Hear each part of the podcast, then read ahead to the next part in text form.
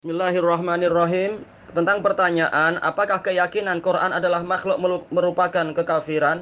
Jika merupakan kekafiran, lalu kenapa para salaf tidak memerangi penguasa yang berkeyakinan Al-Quran itu makhluk?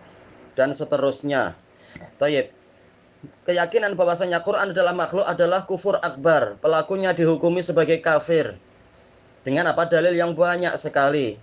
Adapun kalau dan itu ma'ruf di dalam kitab-kitab akidah. Adapun pertanyaan Kenapa salaf tidak memerangi penguasa? Nah, ini ma'ruf dijelaskan oleh para ulama bahwasanya syarat seseorang itu e, memerangi penguasa adalah yang pertama apabila melakukan kufur akbar, kufur bawah, yaitu kufur yang jelas. Kemudian adanya kemampuan untuk itu. Nah, kalau tidak ada kemampuan, kita tidak dibebani melebihi kemampuan. Kemudian madarat yang dihasilkan itu lebih kecil daripada manfaat yang didapatkan. Apabila manfaat yang didapatkan justru lebih kecil dari madarat yang dihasilkan, maka tidak disyariatkan adanya penggulingan terhadap penguasa sama sekali. Dan itu ma'ruf dalam pelajaran akidah. Penjelasan para ulama tentang masalah ini di antaranya telah dijelaskan oleh Al-Imamul Wadi'i di sebagian fatwa beliau dan juga disebutkan oleh Fadilatul Syaikhina Abdul Aziz Ar-Rajihi di dalam Syarah As-Sunnah karya Imam Ahmad. Tayyip. Makanya Imam Ahmad mengatakan orang yang mengatakan Quran itu makhluk maka dia kafir. Tayyip. Tapi Imam Ahmad melarang para ulama dan melarang masyarakat untuk memerangi para penguasa yang melakukan kufur akbar tadi itu. Baik itu di masa Al-Ma'mun ataupun masa setelahnya yaitu al-mu'tasim ataupun yang setelahnya al-wasik billah. Tayyib.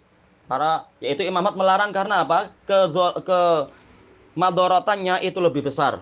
Dan dari sisi yang lain Imam Ahmad mendoakan pengampunan untuk para penguasa tadi karena walaupun mereka melakukan kufur akbar tetapi mereka punya udur mereka dipengaruhi oleh para para mubtadi'ah yang menjadi uh, menjadi penguasa di masa itu. Penguasa dalam artian uh, yaitu apa?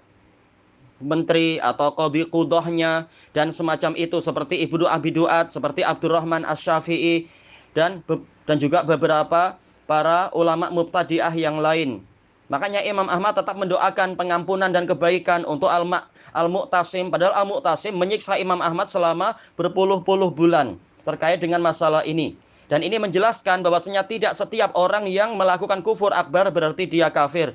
Boleh jadi ada syubhat dan kerancuan yang ditiupkan ke dalam dirinya oleh mubtadi'ah dan dia tidak paham. Si penguasa ini tidak paham dari sisi mana uh, syubhat itu. Dia menyangka ini adalah kebenaran dan seterusnya. Tayyib ilahuna wallahu alam.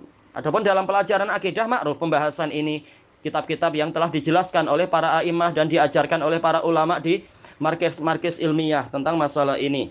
Walhamdulillahi rabbil alamin.